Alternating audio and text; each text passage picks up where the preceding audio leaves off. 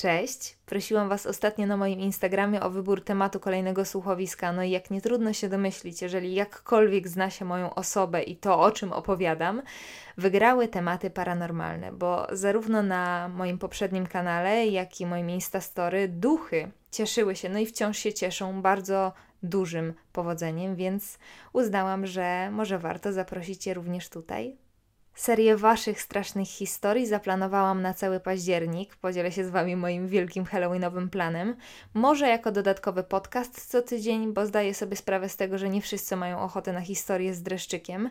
Tego jeszcze nie wiem, ale bardzo chciałabym zadbać o jesienny klimacik w tym roku, a podcasty nadają się do tego idealnie. W ogóle bardzo się cieszę, że wystartowałam z nimi właśnie na jesień, bo takie słuchowiska są super na długie jesienne wieczory, właśnie jesienno-zimowe, więc szykujcie działa, a ja tymczasem poopowiadam Wam o dziwactwach, które spotkały mnie. I tu czas na małe ostrzeżenie. Będę opowiadała o zjawiskach paranormalnych. Ciężko mi określić, czy historie, które Wam zaraz streszczę, są straszne, bo przeżyłam je sama i już niejednokrotnie o nich opowiadałam, więc Szczerze powiedziawszy, nie robią na mnie większego wrażenia, ale jeżeli jesteś jednostką wrażliwą i obawiasz się, że po usłyszeniu tego podcastu możesz mieć trudności z zasypianiem lub, nie wiem, pójściem do łazienki w środku nocy, to zapraszam Cię do przesłuchania innych odcinków bardzo brzydkiego podcastu. Zacznę tak jak zaczynam wszystkie moje historie z dreszczykiem, czyli od krótkiej, acz istotnej informacji, że ja w duchy nie wierzę. Jestem ateistką. Jeżeli mam być z Wami szczera, to taka wieczna tułaczka po śmierci wydaje mi się już turbo absurdalną teorią. Nie zmienia to faktu, że wydarzenia, o których Wam opowiem, działy się naprawdę. Może faktycznie miały miejsce, albo były wyłącznie produktem mojej wyobraźni, tego nie wiem, ale każda z tych sytuacji się wydarzyła. I według mnie ma również swoje logiczne wytłumaczenie, ale postanowiłam nie niszczyć atmosfery jakimiś moimi pseudo-naukowymi wstawkami i opowiedzieć Wam o moich przeżyciach tak, jakby wszystkie były prawdziwym głosem z zaświatów. Mówi się, że dzieci mają najlepszy kontakt z, z duchami. I chyba faktycznie tak jest, bo w dzieciństwie widziałam rzeczy, których nie widział nikt inny. Do szóstego roku życia mieszkałam z moimi rodzicami i młodszym bratem w takim, wiecie, takim typowym M3 z wielkiej płyty. Pokoje, kuchnia, łazienka, trochę rupieci osoby, która nam to mieszkanie wynajmowała. No generalnie nic szczególnego, jak każde, każde takie mieszkanie wynajmowane na początku lat 90. Mieliśmy też dużą biblioteczkę, z tego co pamiętam, i ona była szczelnie wypełniona książkami, które również nie należały do nas. I obok tej biblioteczki stał fotel a w tym fotelu siadywała starsza pani, i tu się zaczyna robić dziwnie, w siwych włosach, gładko zaczesanych do tyłu. Tyle pamiętam. Pamiętam też, że jej obecność nie była dla mnie zdarzeniem przyjemnym, bo za każdym razem, kiedy ją widziałam, zupełnie e, dostawałam absolutnego ataku paniki i zaczynało mi się, pamiętam, że zawsze zaczynało mi się wtedy kręcić w głowie. I pamiętam też, że pani się do mnie uśmiechała. Nie pamiętam, nie pamiętam nic innego w zasadzie, tylko że się do mnie uśmiechała. Miała okulary, okrągłą twarz, włosy zaczesane do tyłu i uśmiechała się do mnie. I tyle. I, I w zasadzie nic z tego zdarzenia nie wynikało. Ona po prostu tam była i w wieku 6 lat przeprowadziliśmy się do naszego nowo wybudowanego domu, do którego wracam z Krakowa po dziś dzień. Pamiętam, że dosłownie kilka lat temu rozmawiałam z mamą o tamtym mieszkaniu i trochę wspominałyśmy, no bo jednak było co wspominać. Rodzice byli wtedy mniej więcej w moim obecnym wieku, co jest dla mnie, mały off-topic, absolutnym kosmosem, bo wtedy wydawali mi się turbo dorośli, a ja znowu teraz nie wyobrażam sobie mieć dzieci na przykład. Ja się generalnie chyba w ogóle do dzieci nie nadaję. Nieważne, to akurat jest absolutnie nieważne w całej historii. To, że oni byli młodzi, a ja i mój brat byliśmy malutkimi słodziakami, oznaczało ni mniej, ni więcej tylko tyle, że wiązaliśmy wszyscy z tamtym miejscem wiele dobrych wspomnień. Pamiętam jednak tę niezliczoną ilość obcych przedmiotów. Jakieś, pamiętam jakieś futra w szafie, jakieś bibeloty, całą masę książek, więc zapytałam mamy, tak z głupia frant, do kogo właściwie te wszystkie rzeczy należały. I słuchajcie, mama powiedziała mi wtedy, że wprowadziliśmy się do tego mieszkania zaraz po śmierci matki właścicielki. I pamiętam, że wtedy przez całe moje ciało przyszedł dreszcz i pomyślałam: oho, no to już wiem, kim była ta starsza pani przy biblioteczce. To były jej książki i jej fotel, w którym najprawdopodobniej lubiła siadywać jeszcze za życia. Kolejna historia również wydarzyła się w moim nieco późniejszym dzieciństwie, bo moi dziadkowie mieszkali razem z moją prababcią, którą się opiekowali. To była mama mojej babci. Ja prababcię pamiętam, ale tak sobie w zasadzie. Właściwie wy możecie szybko zilustrować sobie, jak wyglądała już na samo hasło prababcia, bo to była taka typowa prababcia. Krucha postać w sukience w kwiatki do połowy łydki, beżowych rajstopkach, wełnianym bezrękawniku zarzuconym na przygarbione plecy, oczywiście z drewnianą laską i chustką zawiązaną pod twarzą pokrytą pańczyną zmarszczek. I tak naprawdę niewiele mam z prababcią, z prababcią wspomnień, oprócz tego, że liczyła samochody siedząc w swoim fotelu i dawała mi miętówki, które trzymała specjalnie dla mnie w szufladzie, bo byłam w ogóle jej pierwszą prawnuczką. I babcia zmarła, kiedy ja miałam kilka lat. Nie pamiętam dokładnie, chyba, chyba dziewięć. I to było moje pierwsze spotkanie ze śmiercią, i chyba nie do końca rozumiałam uczuć, które mi towarzyszyły. I było w nich jakoś niepokojąco dużo ciekawości, jakaś taka nieprzeparta potrzeba kontaktu z prababcią. Wtedy w modzie była gazetka Witch Czarodziejki. Ci, którzy obserwują mnie na Instagramie, wiedzą, z jakim rozrzewnieniem wspominam to czasopismo, bo właściwie od niego zaczęła się moja przygoda z rysowaniem postaci. Można by byłoby zaryzykować stwierdzenie, że gdyby nie Witch, to pewnie bym teraz do Was nie mówiła. Już na pewno nie istniałyby bardzo brzydkie rysunki i do jednego z numerów było dołączone metalowe wahadełko. W instrukcji było napisane, że na tak wahadełko powinno wirować w prawą stronę, a na nie w lewą. No i co? I uznałam, że to jest świetna metoda rozmowy z moją prababcią i w te pędy pobiegłam do domu moich dziadków. No i od tego czasu za każdym razem, kiedy tam przychodziłam, siadałam w ulubionym fotelu mojej prababci i rozmawiałam z nią. I zadawałam jej całą masę absolutnie bezsensownych pytań, które obecnie budzą we mnie śmiech, bo gadałam z nią tak, jakby dalej żyła. One nie brzmiały y, babciu, czy jesteś, czy jesteś tam, jak jest po drugiej stronie i tak dalej, i tak dalej, tylko nie wiem, jak się czujesz, albo nie wiem, czy lubisz pączki, albo czy chciałabyś pójść ze mną na spacer. Takie głupoty, wiecie, które które jednak mogły świadczyć o tym, że ja w obecność babci byłam, yy, bardzo wierzyłam, byłam, byłam, byłam święcie przekonana, że moja prababcia jest zaraz obok. Witch się skończyło, wahadełko wylądowało w szufladzie, a ja żyłam sobie dalej i przez całe dzieciństwo bardzo bałam się przebywać w domu sama. A nawet kiedy ktoś w domu był, to e, dużym osiągnięciem było dla mnie na przykład wejście w pojedynkę na pierwsze piętro. Bardzo często w ogóle prosiłam mamę o to, żeby postała przy schodach. E, I nie wiem skąd u mnie ten strach, ale pamiętam, że zawsze nasilał się w nocy, przez co często lądowałam w łóżku moich rodziców i tata był wtedy zmuszony spać w moim pokoju, bo we trójkę się po prostu nie mieściliśmy. To jest takie małe wspomnienie. I dlaczego się bałam, zapytacie? Otóż słyszałam kroki. Czasem tylko na parterze, czasem zbliżające się do mojego pokoju. Te były najgorsze. Przez to wszystko mam za sobą naprawdę wiele nieprzespanych nocy, w których przez cały czas, pamiętam, patrzyłam w napięciu na szparę w drzwiach, bo bałam, bo bałam się i byłam pewna, że lada chwila pojawi się w niej jakiś dziwny stwór. Ej, wy też tak mieliście, że jak się tak bardzo, bardzo baliście, to kołdra była dla was najlepszym schronieniem. Ja się cały czas zastanawiam, gdzie tu logika. I pamiętam, że jak się tak bardzo bałam, to próbowałam okryć się nią jak najszczelniej. Tak, tak wiecie, żeby, żeby stopy były dobrze opatulone i tułów i najlepiej cała głowa z małym otworkiem na świeże powietrze, ale tak małym, żeby żadna zmora przez niego nie przeszła.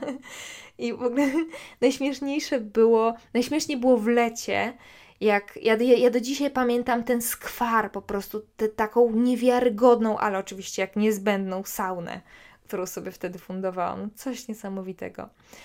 Pomijając saunę, to czasem słyszałam też rozmowy.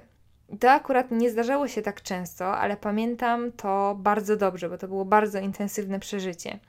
Pamiętam też, że pomimo tego, że słyszałam je, je całkiem nieźle, te rozmowy, to nie rozumiałam ani słowa. Graliście w ogóle w Simsy? Dzisiaj jest jakoś strasznie dużo dygresji, przepraszam Was za nie. Ale próbuję Wam jak najlepiej e, zarysować tę sytuację. Simsy, one tam mówią takim dziwacznym językiem, że niby ci się wydaje, że powinieneś coś rozumieć, ale w zasadzie nie rozumiesz nic. No, to znaczy, rozumiałeś mniej więcej intencje i nastrój, ale w zasadzie to wszystko. I, to właśnie te rozmowy, które ja słyszałam wtedy, brzmiały w ten sposób. No i lata mijały, ja w dalszym ciągu słyszałam te wszystkie dziwne rzeczy i mniej więcej w liceum pochorowałam się na grypę żołądkową.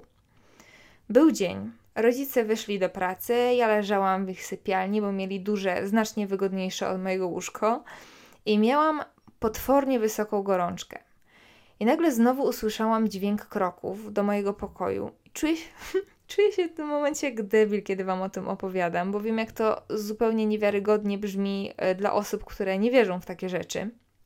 Ale po prostu proponuję Wam się dobrze bawić podczas tego słuchowiska. I do pokoju weszła moja prababcia. Musicie mi uwierzyć na słowo, że to się wydarzyło. Oczywiście jest na to wytłumaczenie, ale jak mówiłam, nie będę tego tłumaczyć. Dokładnie tak, jak ją pamiętam. Pomarszczona, drobna staruszka w kwiecistej chustce. I ja ją wtedy zapytałam, co ona tutaj robi. I szczerze powiedziawszy, ja się, ja się jej aż tak bardzo nie bałam, jakby wypadało się bać osoby, która już nie żyje. A ona siadła na moim łóżku i powiedziała, że przyszła zobaczyć, jak się czuję. Po czym wstała i wyszła z pokoju tym samym takim nieśpiesznym krokiem. Nie pamiętam, żebym się obudziła, nie pamiętam tej granicy między um, tą wizją a jawą.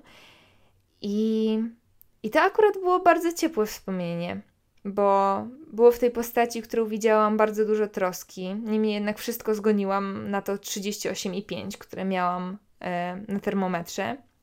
I w zasadzie niewiele sobie z tej całej przygody zrobiłam. Po prostu uznałam, że to mi się, to mi się przyśniło. Mamy w mojej rodzinie, można powiedzieć, medium. I moja mama poprosiła kiedyś tę osobę, trochę zaniepokojona tymi wszystkimi moimi dziwnymi opowieściami, bo jest ich trochę więcej, ale ja na potrzeby tego słuchowiska odrobinę je skróciłam. Może kiedyś opowiem Wam również o nich. Mama poprosiła tę osobę, żeby sprawdziła, czy z naszym domem wszystko gra. No i co się okazało? Że moja kochana prababcia którą pytałam za sprawą wahadełka, czy pójdzie ze mną na spacer, faktycznie na ten spacer się ze mną wybrała.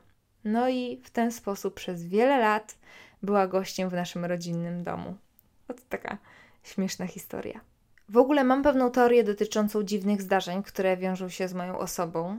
I jeżeli duchy by istniały, czysto hipotetycznie, bo jak już mówiłam, dla mnie to jest kompletna bzdura, to do mnie ta energia z zaświatów po prostu się przylepia i ciągnę ją za sobą jak taki ogon. Jestem ja i później grupka zbłąkanych dusz, które towarzyszą mi każdego dnia i od czasu do czasu po prostu dają o sobie znać. W ogóle teoria związana z życiem po śmierci jest dla mnie, za... właściwie nie z życiem po śmierci, bo szanuję to, że ktoś może wierzyć w życie po śmierci. Bardziej chodzi mi o takie, wiecie, eteryczne białe damy, które błąkają się po opuszczonych domach i zamkach. Dla mnie to jest kompletna bzdura. I, I, ta teoria jest dla mnie śmieszna też z innego powodu. Wyobraźcie sobie, że faktycznie cały czas jest ze mną e, grupka dusz, zmarłych osób duchów, jak zwał, tak zwał. No i co? I są ze mną pod prysznicem, tak? Patrzą, jak nie wiem, jak siedzę na kiblu. Ja, ja w ogóle tak mam, że, że sobie wszystko przekładam w głowie na obrazki. Akurat jak wyobrażam sobie siebie na kiblu i tłum postaci, które ledwo mieszczą się w tej mojej ciasnej łazieneczce, w jakiejś takiej, w takiej przymałej windzie, yy, to od razu mam ochotę chwycić za ołówek i zobaczycie, ja to kiedyś narysuję. No nieważne. Wracam do mojej teorii. Po prostu przez lata niektóre elementy się powtarzają. Jestem w stanie z bardzo dużą łatwością wymienić Wam postaci, które mogą mi towarzyszyć. I tak na przykład na pewno w moim asortymencie mam dwójkę dzieci, dziewczynkę i chłopca. Tych widywałam bardzo często na wejściu do mojej sypialni w domu rodzinnym i to są absolutnie nieszkodliwe istoty, chociaż chyba nie ma przynajmniej według mnie, nic bardziej przerażającego od dzieci, zarówno tych półprzeźroczystych, jak i tych, które drą się w komunikacji miejskiej. I to jest absolutnie nieszkodliwa energia. One po prostu robią różne śmieszne rzeczy pod tytułem otwieranie szaf, kiedy wychodzę z pokoju, kiedy wchodzę, szafy są otwarte, ja zamykam, wchodzę, wchodzę kolejny raz, one znowu są otwarte i tak dalej. Po prostu czuję jakąś taką dziecięcą energię. Jest bardzo łysy, wysoki mężczyzna, którego widziałam w życiu tylko dwa razy w jakimś takim dziwnym półśnie. Raz w moim domu rodzinnym i raz w piwnicy pod baranami, kinie pod baranami. I ja wiem, że te dwa miejsca zupełnie do siebie nie pasują, ale zawsze sytuacja wyglądała podobnie. Robi mi się zimno, tak bardzo zimno, że mam wrażenie, że mam gorączkę. I widzę, jak ta postać tego wysokiego, łysego mężczyzny odchodzi ode mnie w bliżej nieokreślonym kierunku, jest zawsze tyłem, nigdy nie widziałam jego twarzy i po prostu sobie idzie i znika. I ja się tak jakby wybudzam z tego letargu i czuję już normalną temperaturę. To jest super dziwne i to jest bardzo zawsze intensywne przeżycie dla mnie i jestem prawie pewna, że jeszcze mi się kiedyś przytrafi. Jest też coś strasznie mrocznego i określiłabym to mianem cienia. Mm, I to akurat nieźle mi daje popalić od czasu do czasu. Czasem pojawia się we śnie, czasem stoi na końcu ciemnego korytarza. To jest bardzo, bardzo, bardzo zła energia. Ja ja nie czuję się. W momencie, kiedy coś takiego przeżywa, przeżywam, ja nie czuję się yy, przerażona nawet aż tak bardzo, co po prostu smutna, taka nieszczęśliwa, taka. Mam w sobie takie poczucie beznadziei, którego nie odczuwam w żadnym innym momencie mojego życia. No i jest też kobieta. I nie wiem ile ma lat, ani jak wygląda, ale czuję jej zapach i to są słodkie kwiatowe perfumy. Określilibyście je mianem trochę babciowych. To nie jest żaden zapach, do którego pofatygowałybyśmy się do Sefory. I ten zapach pojawia się obok mnie w najmniej oczekiwanych momentach, nie wiadomo skąd. I można stwierdzić, że ten zapach może wpadać gdzieś przez kratkę wentylacyjną, albo po prostu ktoś zaraz obok mnie przeszedł, dlatego ten zapach się do mnie przykleił.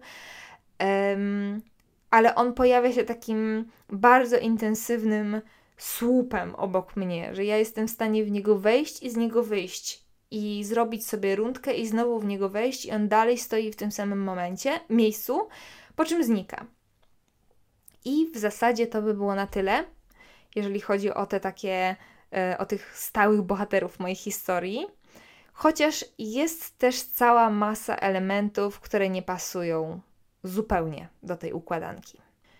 Pamiętam jedno z najdziwniejszych zdarzeń, od którego w zasadzie zaczęła się moja wielka paranormalna pielgrzymka po Krakowie, bo tutaj praktycznie w każdym mieszkaniu oprócz pierwszego działy się super dziwne rzeczy.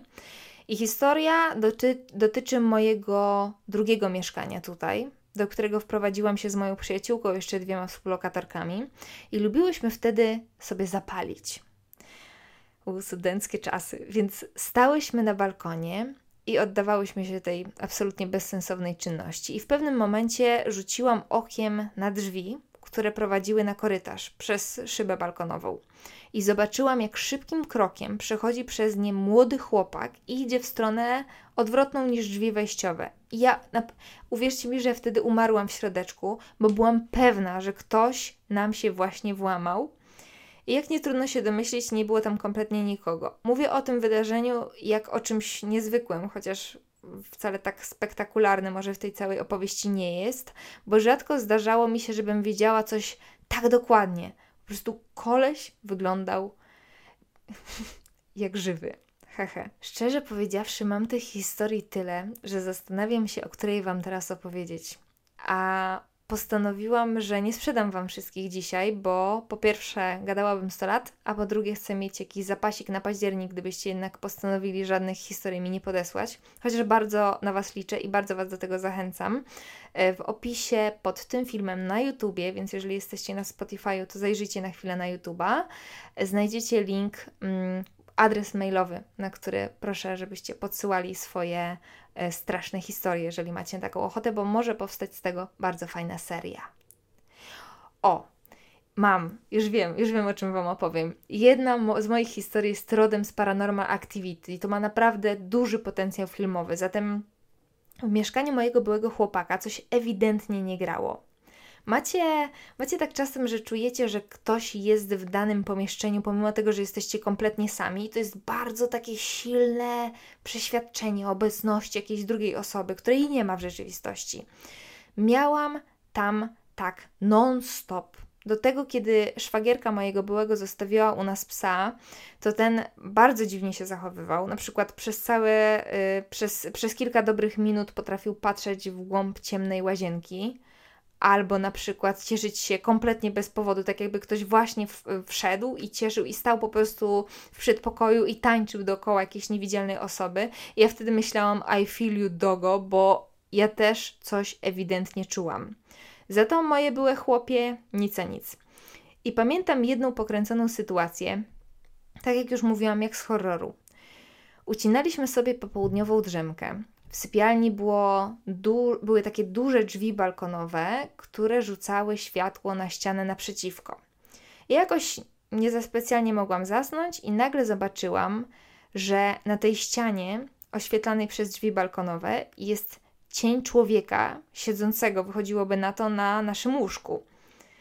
Yy, były smacznie spał. Ja się przeraziłam, zerwałam się na równe nogi, cień zniknął i w tym samym momencie runęła wieżyczka z książek, bo po drugiej stronie pokoju, bo mój były układał sobie sterty książek przy łóżku.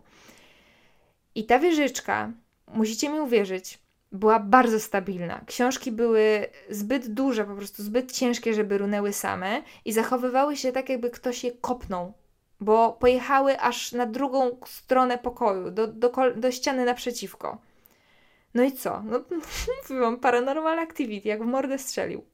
Ciekawe było też moje ostatnie mieszkanie. Żyliśmy tam z Marcinem przez 3 lata i przez te okrągłe 3 lata wydarzyła się tam niezliczona ilość pokręconych sytuacji, ale wszystkie tak naprawdę można było mniej więcej przypasować do postaci z tej grupki za moimi plecami, o której Wam opowiadałam głosy nagrywające się na telefon, nie wiem, Siri, która uruchamiała się w kompletnej ciszy i notowała słowa, których ja nie słyszałam. Łażenie czegoś po mieszkaniu, oczywiście klasycznie, pomimo tego, że byłam kompletnie sama. Otwieranie szaf za każdym razem, kiedy wychodziłam z pokoju. Takie, wiecie, właściwie takie psikusy, w zasadzie nic poważnego. I za każdym razem, kiedy działo się coś takiego, rzucałam w powietrze coś w stylu dalibyście spokój. I przechodziłam do swoich obowiązków. Chyba bardziej mówiłam to dla jaj niż z wiary, że coś obok mnie stoi. Może chciałam się w ten sposób uspokoić, jakąś, jakiś pierwiastek mnie, który jeszcze wierzy w duchy. No i ja do tych duchów gadałam całe trzy lata. A jak z kimś tak sobie gadasz codziennie, to wypadało się by się pożegnać, kiedy się z danego miejsca odchodzi, prawda? No i kilka miesięcy temu faktycznie się wyprowadzaliśmy, więc postanowiłam powiedzieć papa jak sobie wszystko, wiecie, poukładałam ze sobą w tej mojej małej główce, że skoro tu działy się te rzeczy, to znaczy, że teraz trzeba je ze sobą zostawić, ergo ładnie się pożegnać i brać nogi za pas. No i teraz przechodzimy do historii. To był poranek. Marcin wyszedł już do pracy, ja jeszcze dopijałam kawę. Generalnie mam straszny problem. Dzisiaj w ogóle, dzisiaj znowu się e, rozdrabniam na jakieś off-topiki, przepraszam Was, ale ja mam straszny problem rano, żeby się ogarnąć i nie wiem na czym to polega. Marcin potrafi wstać i wyjść, a ja się guzdram 3 godziny. No więc piłam tę kawę.